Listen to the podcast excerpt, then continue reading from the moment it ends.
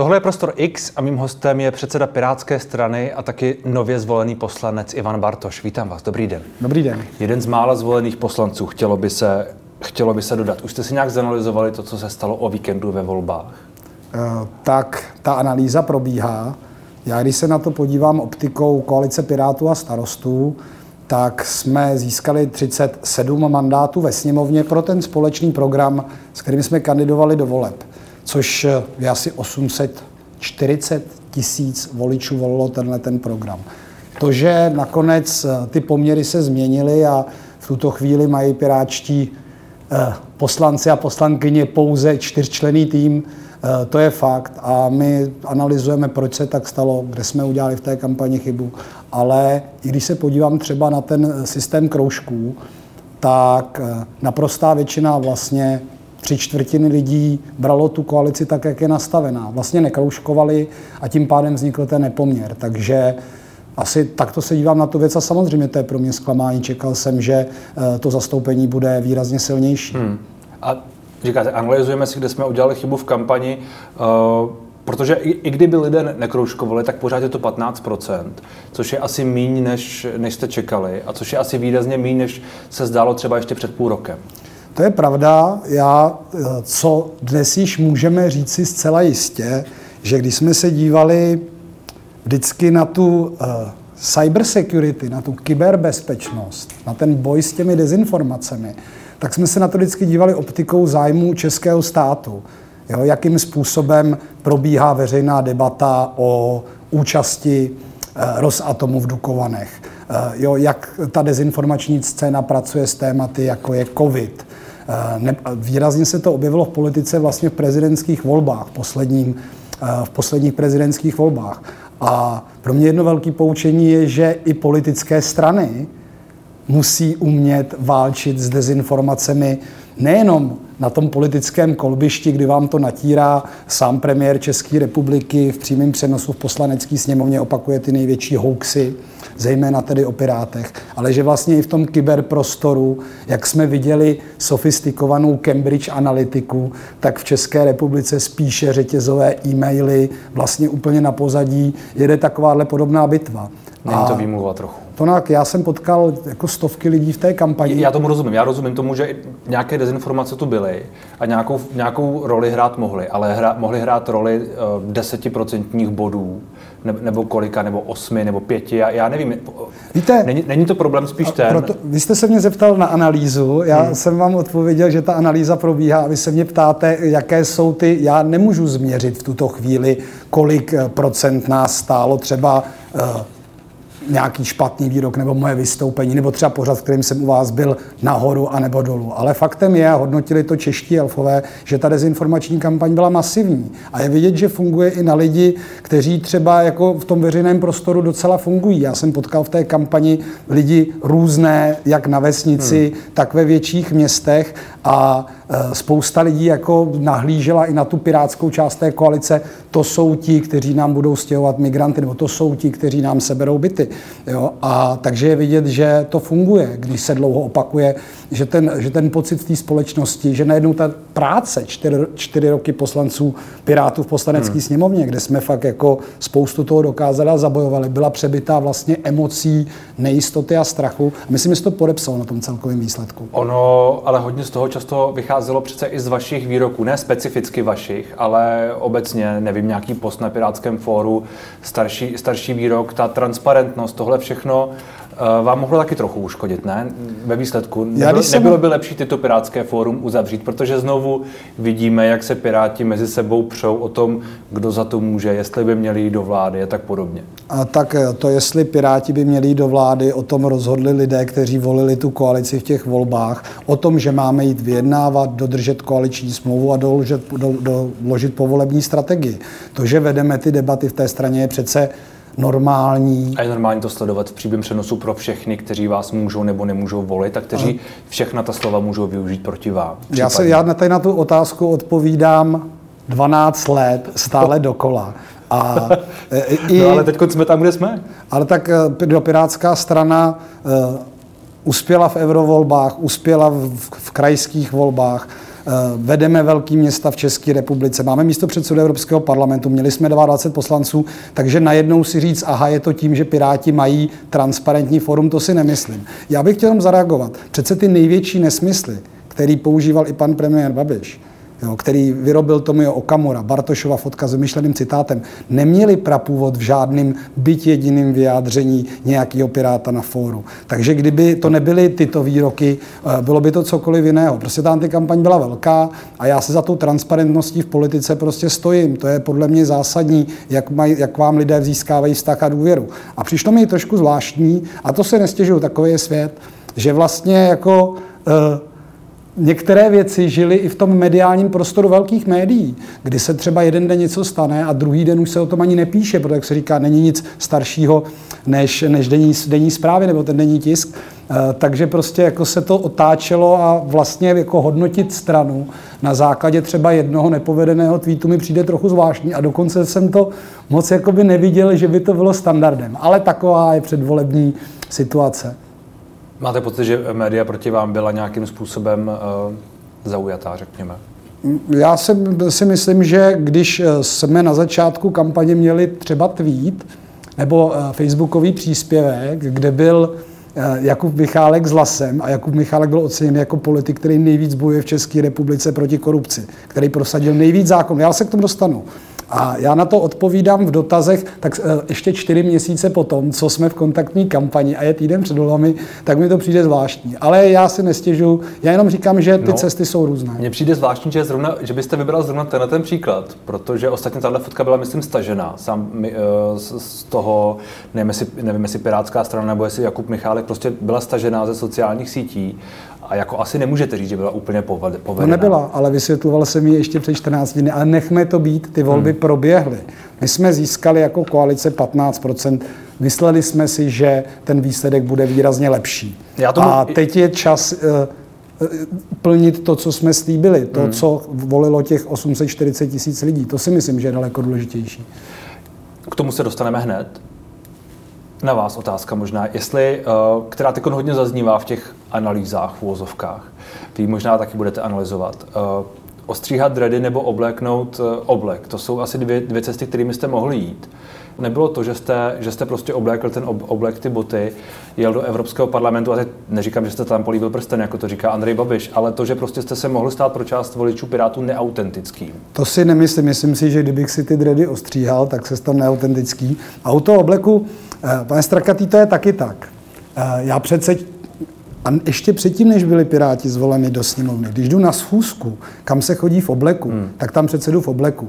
Když jdu odpoledne s Bertíkem na hřiště, tak jsem mu tepláky a mikinu. Hmm. Já jsem neudělal nic, co by se předtím nikdy nestalo. Já jsem se setkával ze zahraniční politiky. Se No tak eh, hodně jsem se v té kampani naučil, ale eh, když eh, se ráno podíváte, Bartoš oblékl oblek, který nosím čtyři roky ve sněmovně na všechny jednání, i tu kravatu.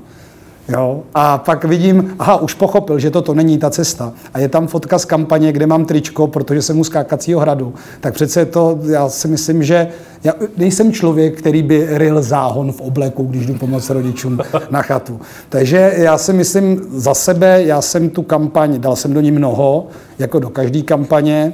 A, a prostě nějaký interpretace, co mělo být, jak mělo. Já jsem já, eh, nikdy jsem do toho nedával nějakou jako škrabošku hmm. jiného člověka a takhle jsme ty Piráty budovali, takhle je budujeme dál, takhle teď budeme pracovat. Hmm. Jak, jak, vy, jak vnímáte některé výzvy uh, starostů ke kroužkování? Protože to taky trochu zaznívá, že to mohlo hrát nějakou roli, že někteří příznivci starostů, možná jejich, jejich kandidáti prostě občas řekli svým, svým voličům, kroužkujte nás, zatímco vy jste to měli, pokud se nemýlím, eh, zakázáno. Ta koaliční smlouva jasně hovoří o tom, že vyzývat ke kroužkování eh, ty strany nesmí. Eh, my máme svědomí čistý a ať si každý zamete před vlastním Prahem a analyzujeme to. Jak to myslíte, zamete před vlastním Prahem? Jako vnímáte, no, vnímáte, to, mluvím, že, vnímáte to, že ze strany některých mohla být ta koaliční smlouva poškozena? Tak já už jsem četl nějaké články, kde byly, kde byly nějaké třeba o mikrotargetingu věci a tohle to analyzujeme, to budeme vědět v řádu jako několika týdnů. Teď se, se spíš soustředíme. A jak se k tomu pak postavíte? Já nevím, jaký je výsledek té analýzy.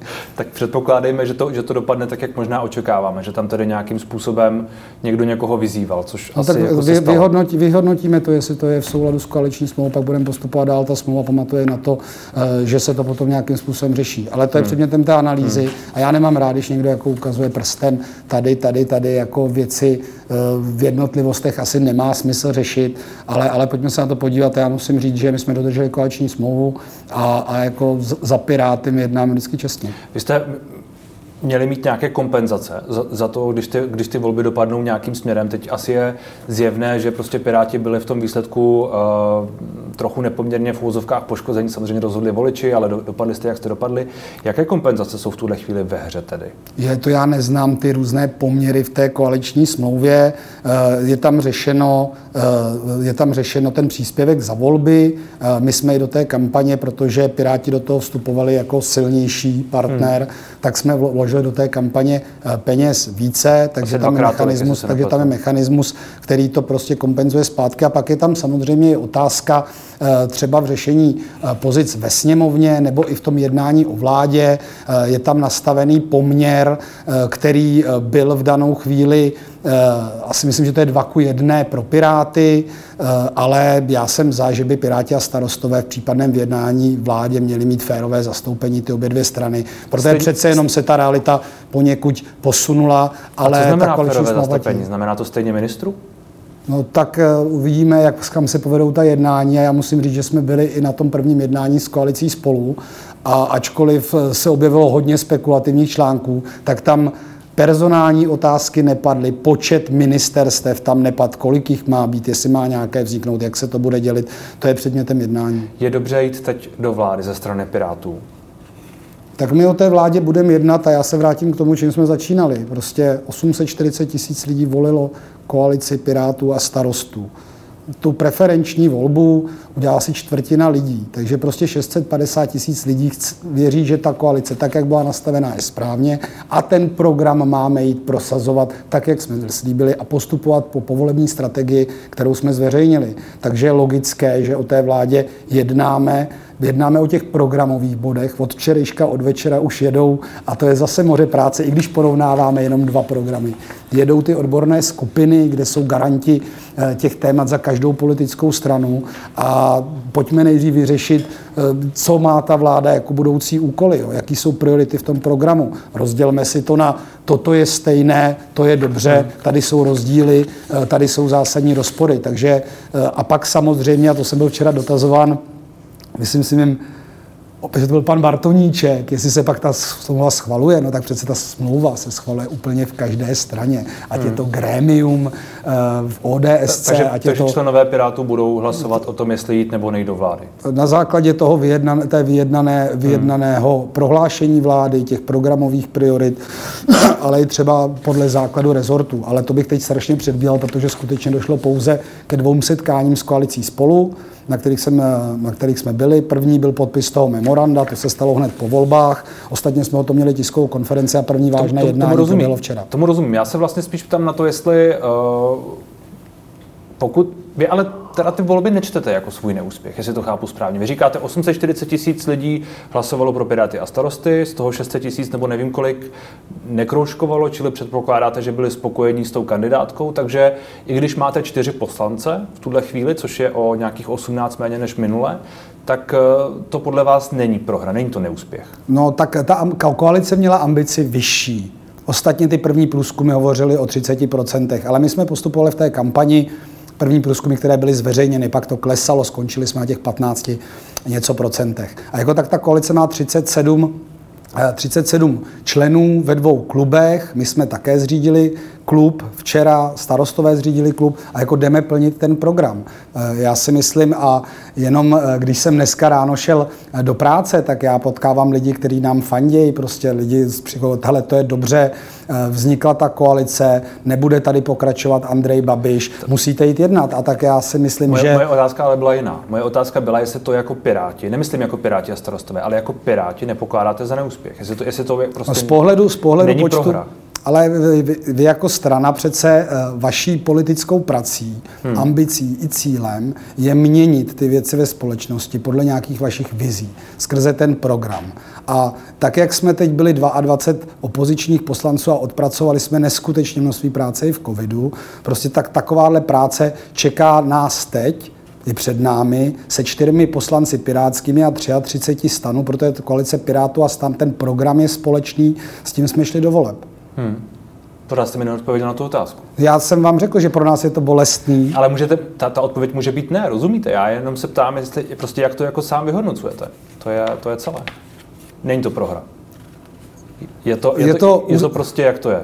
No je to, jak to je, tak hmm. Eh, můžeme to pojmenovávat různě. Eh, samozřejmě je to ztráta. Mě ty lidi, kteří v té sněmovně byli, eh, tak Jednak my to nemáme nastavené jako možná někde jinde, že bychom hmm. byli nějací soci, vždycky jsme byli parťáci v Pirátské straně, stejně tak jako ve sněmovně a, a ta práce bude muset být prostě udělaná v menším počtu, ale nám se podařilo za ty čtyři roky vybudovat velmi mohutný jako odborný aparát lidí, kteří třeba někteří jsou členové už vstoupili do té strany, Eh, někteří, eh, někteří nám prostě pomáhali v těch odborných tématech celou dobu eh, z nějakého vlastního nasazení. A já když ještě dokončím tuhle, já když se podívám třeba na své sociální sítě, ale na lidi, kteří teď chtějí Pirátům pomáhat třeba na komunální nebo krajské úrovni, protože vědí, že na počet zastoupení ve sněmovně jsme výrazně ztratili, tak je to prostě zase věc, o které se můžete odrazit hmm. a v té práci pokračovat. A to, to volání po, po restartu, po opoziční práci ze strany některých členů Pirátů Eh, vnímáte jak? A tak my máme celostranicky schválenou jak povolební strategii, to schválil republikový výbor, tak koaliční smlouvu. To, Já bylo, to, to bylo před volbama, ale. Ale přece vy neděláte politiku, která před volbama něco říkáte a něco jiného děláte po volbách. Víte, kolik lidí eh, a neexistujících často vymyšlených eh, jmén mi psalo, jak bychom měli jít do vlády s Andrejem hmm. Babišem v roce 2017, což byla první nabídka, která padla od pana Faltínka, a, a, a ten tlak byl obrovský na to, aby Piráti stoupili do vlády. A my jsme řekli, za jakých podmínek a prostě z toho jsme neucouvli. Tak teď máme koaliční smlouvu, jsou důležité ty programové věci. Já když se dívám, a já tady mám i třeba už nějaké i priority, které jsem možná zaznamenal v médiích koalice spolu, jako o tom přece budeme jednat. Hmm tomu se dostaneme hned. Když zmiňujete ty priority, říkáte, je třeba jít do vlády a tohle všechno chápu. Je třeba o té vládě jednat s tou ambicí tam stoupit a prosazovat ten program. To je přece normálně politika. Když třeba Ondřej Profant, poslanec ještě stále eh, teď už tedy nezvolený, říká, je to velmi o ODS, omlouvám se o spolupráci s ODS, je to velmi konzervativní strana a my s ní konzervativní hodnoty nezdílíme, budeme o tom muset jednat uvnitř strany. Což se nepochybně stane, ale vlastně se ptám na to, jak v té vládě třeba s tím, že tyhle ty některé programy jsou prostě poměrně odlišné, řekněme. Jak budete fungovat, když máte, když máte uh, tak málo poslanců? Co prosadíte? Tak eh, když prosazujete program ve vládě, tak je to hlasováním vlády. Já bych doporučil lidem, ať si přečtou celý ten rozhovor s Ondřejem Profantem, protože on tam bylo asi pět otázek, na které odpovídal. Eh, vypíchli si média do takových jako titulků na Facebook jich pár a tak jako ODS eh, a KDU ČSL jsou konzervativní strany. Proto vstupujeme do toho jednání jako liberální středová formace se stanem eh, vyjednávat věci, které se týkají programu. Kde máte, kde máte, máte nějakou červenou linii? No já si, myslím, že, já si myslím, že ty se ukážou v rámci toho jednání, co bude programovým prohlášení vlády a jaké jsou její programové cíle. A vy, vy dopředu nemáte nic, přesto prostě nejede vlak, co tam prostě musí být a co by mohlo být problematické. Tak já vám řeknu příklad, který známe, pamatujeme si ho všichni z historie. Když byla ekonomická krize předchozí a byl tam pan Drábek, s panem Šiškou a tyto lidé, tak jako jejich lék na krizi bylo seberem peníze lidem eh, jako s handicapem. Jo? To jsou prostě takovéhle věci se v České republice jako nemůžou dít. My, když se bavíme o dopadu ekonomické krize na občany v České republice a na rodiny, i na ty firmy, tak jako ty reformy nebo, nebo to, jakým způsobem se bude přistupovat ke snižování schodku státního rozpočtu, prostě nemůže být, že to zase odnesou ty obyčejní lidi. Já když jsem Takže... před dvěma lety, já když jsem před dvěma lety Eh, byl, eh, vyšlo, myslím, že to bylo CVVM a Český rozhlas, vydali takovou publikaci, velkou analýzu rozdělení svobodou.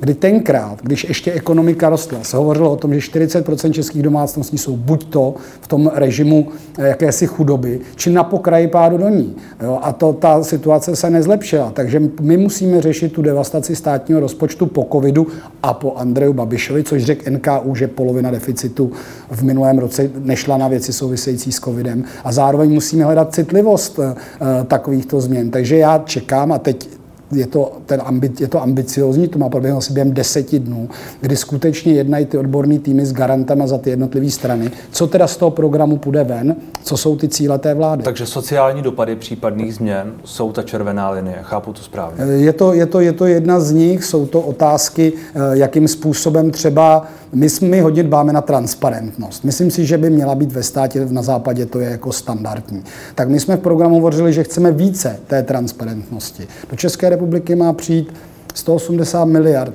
korun v rámci postcovidové obnovy tak já chci, aby ty peníze eh, byly transparentně rozdělovány, aby jsme se bavili o tom, jestli vznikne, eh, jestli vznikne registr dotací, jestli se začne vymáhat, eh, vymáhat střed zájmu tak, aby si nemohli politici přidávat zakázky, jestli podmínkou třeba získání hmm. státní zakázky či nějaké dotace bude skutečně jasně známý struktura vlastníků dané firmy. To jsou prostě věci, které jsme do té politiky mi přinesli, které jsme aplikovali sami na sebe, včetně transparentního fóra, ale registru lobbystů, registru smluv, ještě než ty zákony existovaly. Tohle bych chtěl, aby se tam také obtisklo, že ta vláda, která si řekla o důvěru lidí a v těchto volbách prostě většina lidí volila ty strany demokratické opozice, půjde touto cestou. Hmm, tomu rozumím. Uh...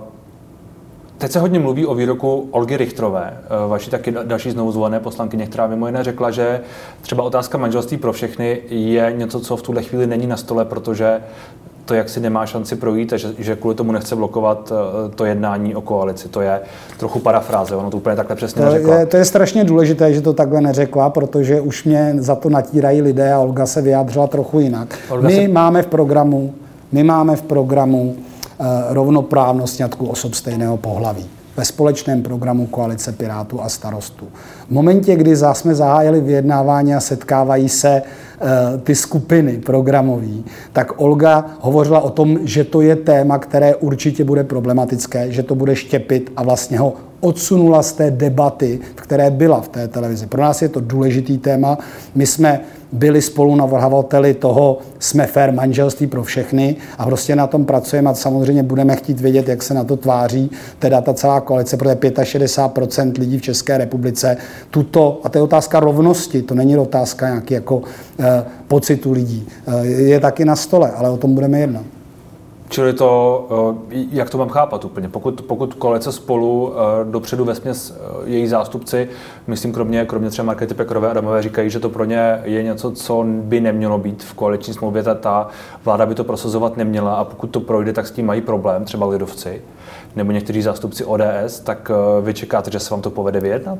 Tak já jsem u tohoto jednání ještě nezahájilo, jako my to určitě předložíme a budeme to podporovat s Piráty, máme to v programu Pirátů a starostů, ale ve finále o tom hlasují jednotliví poslanci ve sněmovně. Ale ten zákon nesmíme nechat spadnout přece pod stůl, jako to je otázka lidských práv, rovnoprávnosti lidí no ten, no ten v české se, zemi. Ten seznam, který je teď ve sněmovně, nepochybně spadne pod stůl, protože všechny, všechny neprojednané zákony Ano, to tak stůl. ano, to, to, ta mechanika je, ale ten zákon je napsaný, ten prostě jenom nedošel tomu konečnému hlasování. Takže by měl být předložen znovu. Já si myslím, že by měl být předložen znovu, rozhodně. Tak zákony, které byly I když, připraveny. I když proti tomu ta koalice bude, jako, jako celek? No tak zákonně mohou předkládat eh, i jednotliví poslanci. Ostatně hmm. takto jsme dostali na plénum sněmovny spoustu zákonů, včetně největšího zákonu eh, digitalizace České republiky, eh, digitální ústavu právo občana, hmm. digitální službu. Já vlastně přemýšlím, jak Olga Richtrová, Olga Richtrová připouští, že to je štěpný, štěpný bod, se kterým řada lidí nesouhlasí. Omlouvám se, ne řada lidí. Řada politiků ze, ze spolu s ním, s ním asi souhlasit nebude. Vy zároveň říkáte, že ho nějakým způsobem chcete, chcete uh, protlačit. Chápu, že ne vládní, vládní cestou, ale třeba hlasováním ve sněmovně jde to, Jde to dohromady. Jde to dohromady být na jednu stranu v koalici, která má tyhle, ty, tyhle ty priority a tenhle pohled na svět a obecně na druhou stranu prosazovat ve sněmovně něco Abyste sám zmínil uh, paní Pekarovou Adamovou, předsedkyni TOP 09, tak to je jedna ze tří hlav koalice spolu, která hovoří v prospěch tohoto zákonu. Já bych s tím letím nepředbíhal, ale jako já jsem liberál. Hmm. Jo, já chci, aby lidi měli stejný práva a, a myslím si, že eh, to by měl být zájem každého politika. Hmm. A co tedy pro vás bude v té vznikající? Vy jste, vy jste řekl, že už tady máte nějaké, nějaké priority. No, já spíš se dívám na to z pohledu eh, těch lidí v České republice. Co, co nás teď jakoby nejvíc pálí. A když se podíváte už na vyjádření pana premiéra Babiše dneska, tak jako my musíme začít řešit covid. Tahle vláda, hmm. nebo budoucí vláda, nebo budoucí sněmovna musí mít odpověď na, ten, na, na zhoršující se čísla v covidu jestli to, co nám tady bylo dlouho tvrzeno, že to je na ústupu, že už se to nemůže opakovat, jo, tak jako tady ta situace, já nevím, jak fungují reálně v tuto chvíli trasování, eh, jak funguje celá ta digitální pozadí toho, eh, toho řešení covidu. To si myslím, že je důležitý. Já tady mám vypsaný další stabilizace rozpočtu. Jako přichází nám rozpočet od paní Šlerové, která tam jako skopírovala z minulého roku, upravila tam pár nějakých parametrů, dala k tomu prostě ten deficit 390 miliard a řekla, že její struktura, že jí to vlastně nezajímá jo, že, že, že jako jí to žíly netrhá, že máme takhle schodkový rozpočet, ale pak je Česká republika nedůvěryhodným partnerem, pak člověk zvažuje, třeba i firma, jestli tady má investovat, když Česká republika jde na dluh. Takže my se musíme domluvit na tom, jakým způsobem přistoupíme ke státnímu rozpočtu. Platí, platí že chcete pře- přenastavovat ten příští rozpočet na rok 2022. No tak, jak jeho přijmout, nemůžeme. Musíme to buď to rychle odpracovat, anebo prostě, hmm. a to nehovořil jsem o tom, tak to já myslím o tom pan Staňura nebo pan předseda Fiala, abych to nepřikládal někomu jinému nějakou nepřesnou citací, jako ten, ten rozpočet, tak to nemůže pokračovat. Musí, musíme se na něj podívat, musíme... A kde tedy pak šetřit? ODS, mimo jiné, úst třeba Jana Skopečka mluví o zrušení slevy na jízdném, například, mimo jiné, což je něco, co možná dopadne na ty nejchudší, jak jste zmínil předtím, že to je něco, co by vám vadilo. Mluví o zrušení uh, neadresních dotací, uh, nenárokových dotací, mluvám se, nějakých dalších věcí. Kde šetřit? Tak já vám vyseknu hned dvě. Eh, analýza ministerstva vnitra hovořila o tom stavebním zákonu, který předložila vláda, který neurychlí stavební řízení, že transformace vzniku nového úřadu, nejvyššího stavebního úřadu, bude stát 20 miliard ho nebudeme dělat. Ten zákon zastavíme nebo odložíme jeho platnost a to, a už, je, a, to už, je, a to už je v rozpočtu na příští rok započítáno. No tak ta, ta transformace bude zahájena tak, jak předpokládá ten zákon, že se převede vše na nejvyšší stavební úřad. A je to, je to součástí rozpočtu? Je to už v těch 370 miliardách? Uh, tak já jsem tu ty detaily toho, jak je to rozepsané. Já to rozumím, abyste, abyste nešetřil něco, co, co tam není. Ne, tak je, je, je tam spousta. My, když jsme představovali náš ekonomický program, tak jenom ve, ve špatně vypisovaných veřejných zakázkách Jo, je 50 miliard každý rok, zmizí. Pojďme se na ten rozpočet podívat. My máme ekonomické garanty programových budů, máme spoustu ekonomů v zázemí, všechny ty strany, co tam teď jsou. A jako pojďme se podívat, co je realistické. Situaci v rozpočtu nevyřeší, eh, že byste najednou, a to ani nemůžete, snižoval nějaký počet úředníků. Dobře, a vy jste zmínil, vy jste zmínil tu uh stavební úřad, pojďme, pojďme odhlednout od něj nějaké, nějaké další, další tedy úspory, protože všichni slibují, slibují úspory, desítky miliard, stovky miliard, ale když se pak eh, je to... bavíme o tom, co by to mělo být konkrétně, tak často ta čísla prostě nesedí. Neříkám, že vaše, obecně. Teď mi možná řeknete, kde je tedy ušetřit. Já jsem vám teď zmínil další, další, nevím jestli v rozpočtu, ale viděl jsem uh, i už plány, kolik milionů se utratilo na různých studiích. Je to kanál, kanál Dunaj od Ralabe. Vlastně tady jede spousta věcí, které nejsou správně nastaveny. Ty provozní výdaje státu to musí představit ty ministři na těch jednotlivých rezortech, kde je prostor pro to uh, šetřit ty peníze. Já nej, nejsem tady garant ekonomické části hmm. programu, můžu vám to odvykládat v těch desítkách miliard, kde vím, že jsou ty rezervy toho státu, ale to je přece ale jednání to se té bavit, vlády. To, to se ale budeme bavit o digitalizaci a podobných věcech, které často zmiňujete, ale to není něco, co by, co by pozměnilo rozpočet na příští rok. Je to tak? Jsou tam, jsou tam věci, které jsem zmínil, které můžou řešit ten rozpočet a měli jsme v otázkách i třeba uh, řešení zdanění těžby, uh, těžby nerostných surovin a další. Hmm. Ale vy mě teď se jakoby dotazujete na předmět, co bude dělat budoucí vláda, která ještě ani nezačalo jednání o programových prioritách této vlády. Já se vás ptám, co od nich chcete vy jako strana a vy jako koalice. Neptám se na to, co bude ta vláda dělat. Ptám se vás na to, pokud chcete přenastavit ten rozpočet a pokud říkáte, že je potřeba najít v něm nějaké úspory, což se shoduje všech těch pět stran, tak se ptám na to, jaký vy specificky na to máte tak eh, názor a kde vy specificky tak byste eh. šetřil. A pokud například přijde spolu ODS a řekne, tak my bychom tady škrtli slevy na jízdném, což je nějakých 5-6 miliard nebo kolik, možná eh, víc. Tak já tak si spíš myslím, já si, tak kdyby se, když se podíváte na sousední Rakousko a další země, tak ty slevy na jízdném tam jsou. To, jakým způsobem jsou nastaveny ty různé tarify, které dny to platí, tam si myslím, že je nějaký prostor optimalizace. Ale dívejme se na ty vysoké částky, na ty, kde jsou desítky, 20 desítky miliard z fleku. Důsledná kontrola transfer pricingu. Místo, aby ministerstvo financí řešilo tady, že máte špatně vyplněný daňový přiznání, tak tou kontrolou toho, kde si firmy přeúčtovávají a vlastně dělají tu optimalizaci daní na hraně zákona. Tam je taky nějakých 20-30 miliard. My jsme se bavili celou dobu o a, a nekoukejte se na to jenom jako kde se škrtá. My jsme se celou dobu bavili, ten rozpočet je deficitní s tím, že počítá s nějakými příjmy. Celou dobu jsme se bavili o částečných úvazcích a jejich správným nastavením, kdy teď ty lidi jsou doma, peču třeba o děti eh, nebo o nějakou osobou blízkou, protože nastavení částečného úvazku na DPP, DPČ je tak nevýhodný, že prostě to dělat nejdou.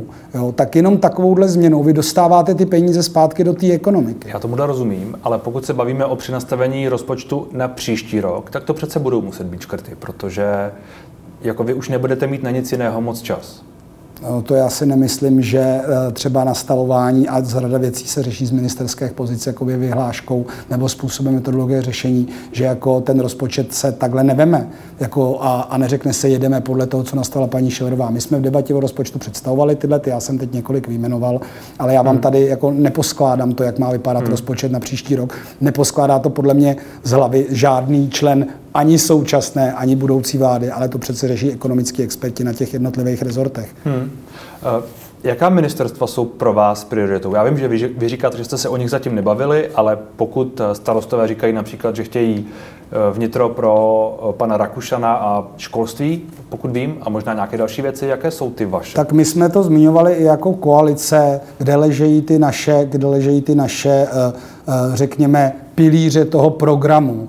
Eh, té strany starostů, která je spíše z těch regionů.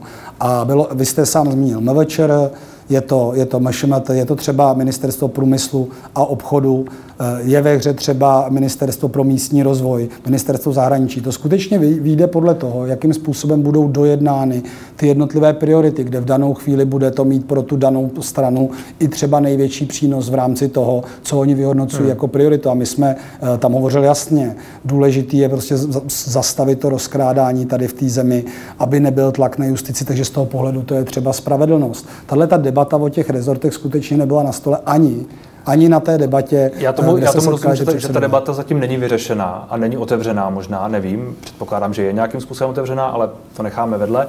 Já se ptám, jaká je vaše priorita jako Pirátů, jak, kde byste se třeba chtěli ty čtyři roky prostě profilovat? tak eh, my jsme měli vždycky ve výjimku otázku digitalizace. Ta je v tuto Což chvíli, je ministerstvo vnitra? Tato, ta je v tuto chvíli rozprostřená přes několik ministerstev. Eh, je to MMR, které řeší digitalizaci státní zprávy, proto tam vznikaly ty důležité Takže digitalizační zákony. Rozvoj. Zároveň je velká část centrálních registrů na tom vnitru, což deklaroval Vítra Kušan, že se na toto ministerstvo připravuje už dávno před volbama. Já jsem teď viděl i třeba vyjádření pana předsedy Fialy, co vlastně s digitalizací v České republice. Hmm. Jestli, protože podle mě ta postava eh, vládního zmocněnce pro digitalizaci, který nemá možnost v rámci té vlády, vlastně on tam nesedí. On je jako pravou rukou premiéra. Takže když se řeší třeba ty velké zakázky a dvě třeba velké z nich se nám podařilo zastavit, evidentně nepotřebné zakázky v řádu jako desítek až stovek milionů, tak když se to pak řeší na té vládě a není tam člověk, který má ten celkový přehled na digitalizaci v České republice, tak pak procházejí ty nesmysly a jede hmm. se ten rezortismus. Eh, to jsou všechno oblasti, který, eh, v kterých jsme silní. Je to třeba i zahraničí. My jsme, jste tady zmínil jako moji cestu eh, do Bruselu, tak já jsem nikam nejel, protože byl covid a, ne, a nikam se nejezdilo. Já jsem se setkával za celou dobu a naši lidi, ať je to kolega Lipavský a Michálek, tak my přece jako téměř na denní bázi komunikujeme s diplomaty jednotlivých hmm. zemí. Eh, máme silné zastoupení eh, lidí i, i třeba skrze místo předsedu Evropského parlamentu Marcela Kolaju. Jo, jak říkám, záleží, jakým směrem se budou pohybovat a, je, a prostě Mimochodem, v té hře... Se, vy jste zmínil pana Lipavského. Ti případní kandidáti na ministerstva, a vím, že mi teď neřeknete jména, uh, můžou být i z ranku například poslanců, kteří neuspěli teď ve volbách. A jsou například experti na některá témata, jako byl právě pan Lipavský. A tak my jsme, představili, my jsme představili ten vládní tým za obě dvě strany, koalice, hmm. Hmm. který potom ta koaliční rada řekla, ano, toto je ten tým, který reprezentuje to know-how v případné debatě o vládě a jako ten půl je stále platný, to jak to nakonec, nebo půl, abych to, jo, prostě ta skupina lidí, ten vládní tým, těch asi přes, 4, těch si asi přes 40 a já si myslím, že to bylo jako Eh, občas se staví něco, čemu se říká stínová vláda, ale my jsme za to třeba byli jako kritizováni, premiér Babiš to použil, už si tady jako rozdělují a tak jako on, on použil spoustu věcí jinak, než bylo. No, ale tak eh, já bych tady v tomhle to nepředvídal, protože fakta personální hmm. jednání podle mě eh, jsou až jako jedny z posledních věcí. I pro vás SPD přijatelné ve vedení sněmovny, jako někteří zástupci koalice spolu už teď říkají, že nebudou hlasovat pro to, aby, aby, to, aby to bylo úplně poměrné, to zastoupení. Eh, tak ve sněmovně poměrné zastoupení dáno, nicméně o, o tom, kdo o těch personálích pak rozhodují poslanci. Já za Piráty a teď si nejsem jistý, jak to bylo přesně a nemyslím si, že jsme kdykoliv hlasovali pro nějakého zástupce SPD nebo snad i KSČM do vedení sněmovny. Takže nebudete podporovat například Tomia Okamoru na místo místo předsedy sněmovny? No, já pro něj ruku určitě nezvednu. Ani vaši kolegové? Ani mý kolegové. Ani vaši kolegové se starostu? To, to já, nevíte. Tak já si myslím, že to i někde Vít Rakušan řekl. Hmm. Kdyby měla být vláda sestavena? Kdy věříte, že už bude tedy uh, jmenován premiérem Petr Fiala s vaší účastí a účastí starostů? tak teď bych si mohl zahrát na pana premiéra v jedné chvíli, jak držel tu křišťálovou kuli Babiše hmm. a vykládal, co v ní vidí. My jsme si teď stanovili nějaký termín, který se kryje s momentem ustanovení sněmovny. Eh, podle mě ten termín je ambiciozní, předpokládá, že ta jednání budou jako probíhat to je os, paralelně. To je 8. listopad podepsání koaliční smlouvy. Eh, by mělo být to podepsání té koaliční smlouvy, ale i vzhledem k tomu, že eh, je v tom důležitá role hradu, kdy musí pan prezident někoho pověřit. A teď já, když vidím, jak Pan premiér eh, Babiš eh, v jednu chvíli říká, že to pověření dostal, pak, že dostal jeho příslip. No tak příslip, že ho prezident Zeman eh, pověří premiérem, nehledě na výsledek, dostal už před tři čtvrtě rokem nebo kdy. Takže tohle to je těžko odhadovat už jen z toho, že to není pouze vůle té demokratické opozice nynějších, tedy stran, který mají ve sněmovně pohodou většinu se domluvit, není jediným faktorem hmm. v celé, v celé v to, co se všechno musí stát. Takže když někteří říkají, že do Vánoc, třeba Alena Šilerová to říká, nebo Karel Havlíček, tak eh, to je něco, čemu, čemu vy byste věřil? Zeptal jste se mě na dva ministry, eh, ministriní a jednoho dvou ministra vlády Andreje Babiše, eh, s kterými jsme byli no, no, čtyři ale, roky v opozici. Ale oni jsou ti, kteří by vám mohli v tom nějakým způsobem bránit a pokud oni říkají, že věří, že do, do Vánoc tu bude vláda, tak třeba vám nebude nic bránit. Eh, já úplně nevím, jaká role je eh, ministrů vlády Andreje Babiše v tom celkovém jednání o vzniku vlády. Žádná, žádná, ale možná ví něco o tom, jak se k tomu postaví Andrej Babiš, co se při přijetí toho pověření týče a tak dále, ale tomu nevěříte. No, tak Andrej Babiš těsně před volbama v televizi řekl, že on tou sněmovnou vždycky jako pohrdal, že jo. On sám i řekl, že kdyby ve volbách neuspěl a nevyhrál, takže práce opozice pro něj nic není, že by v té sněmovně nebyl, že je manažér, že rozhoduje a hned jak byly známy ty výsledky voleb druhý den, už hovořil o tom, že by teda, teď ty články vycházejí, eh, že by teda do té opozice vlastně jako šel a seděl by v té sněmovně. Eh, tak eh, já si myslím, že důležitý je, jak se ty věci pak budou odvíjet a tyhle ty spekulace, zejména postavené na tom, co říká pan premiér, který mnohokrát změnil názor a mnohokrát prokazatelně neříkal pravdu, že by to bylo skutečně to věštění hmm. z té křišťálové koule. Tak uvidíme, jak to dopadne. Děkuji moc za rozhovor. Já vám děkuji za pozvání.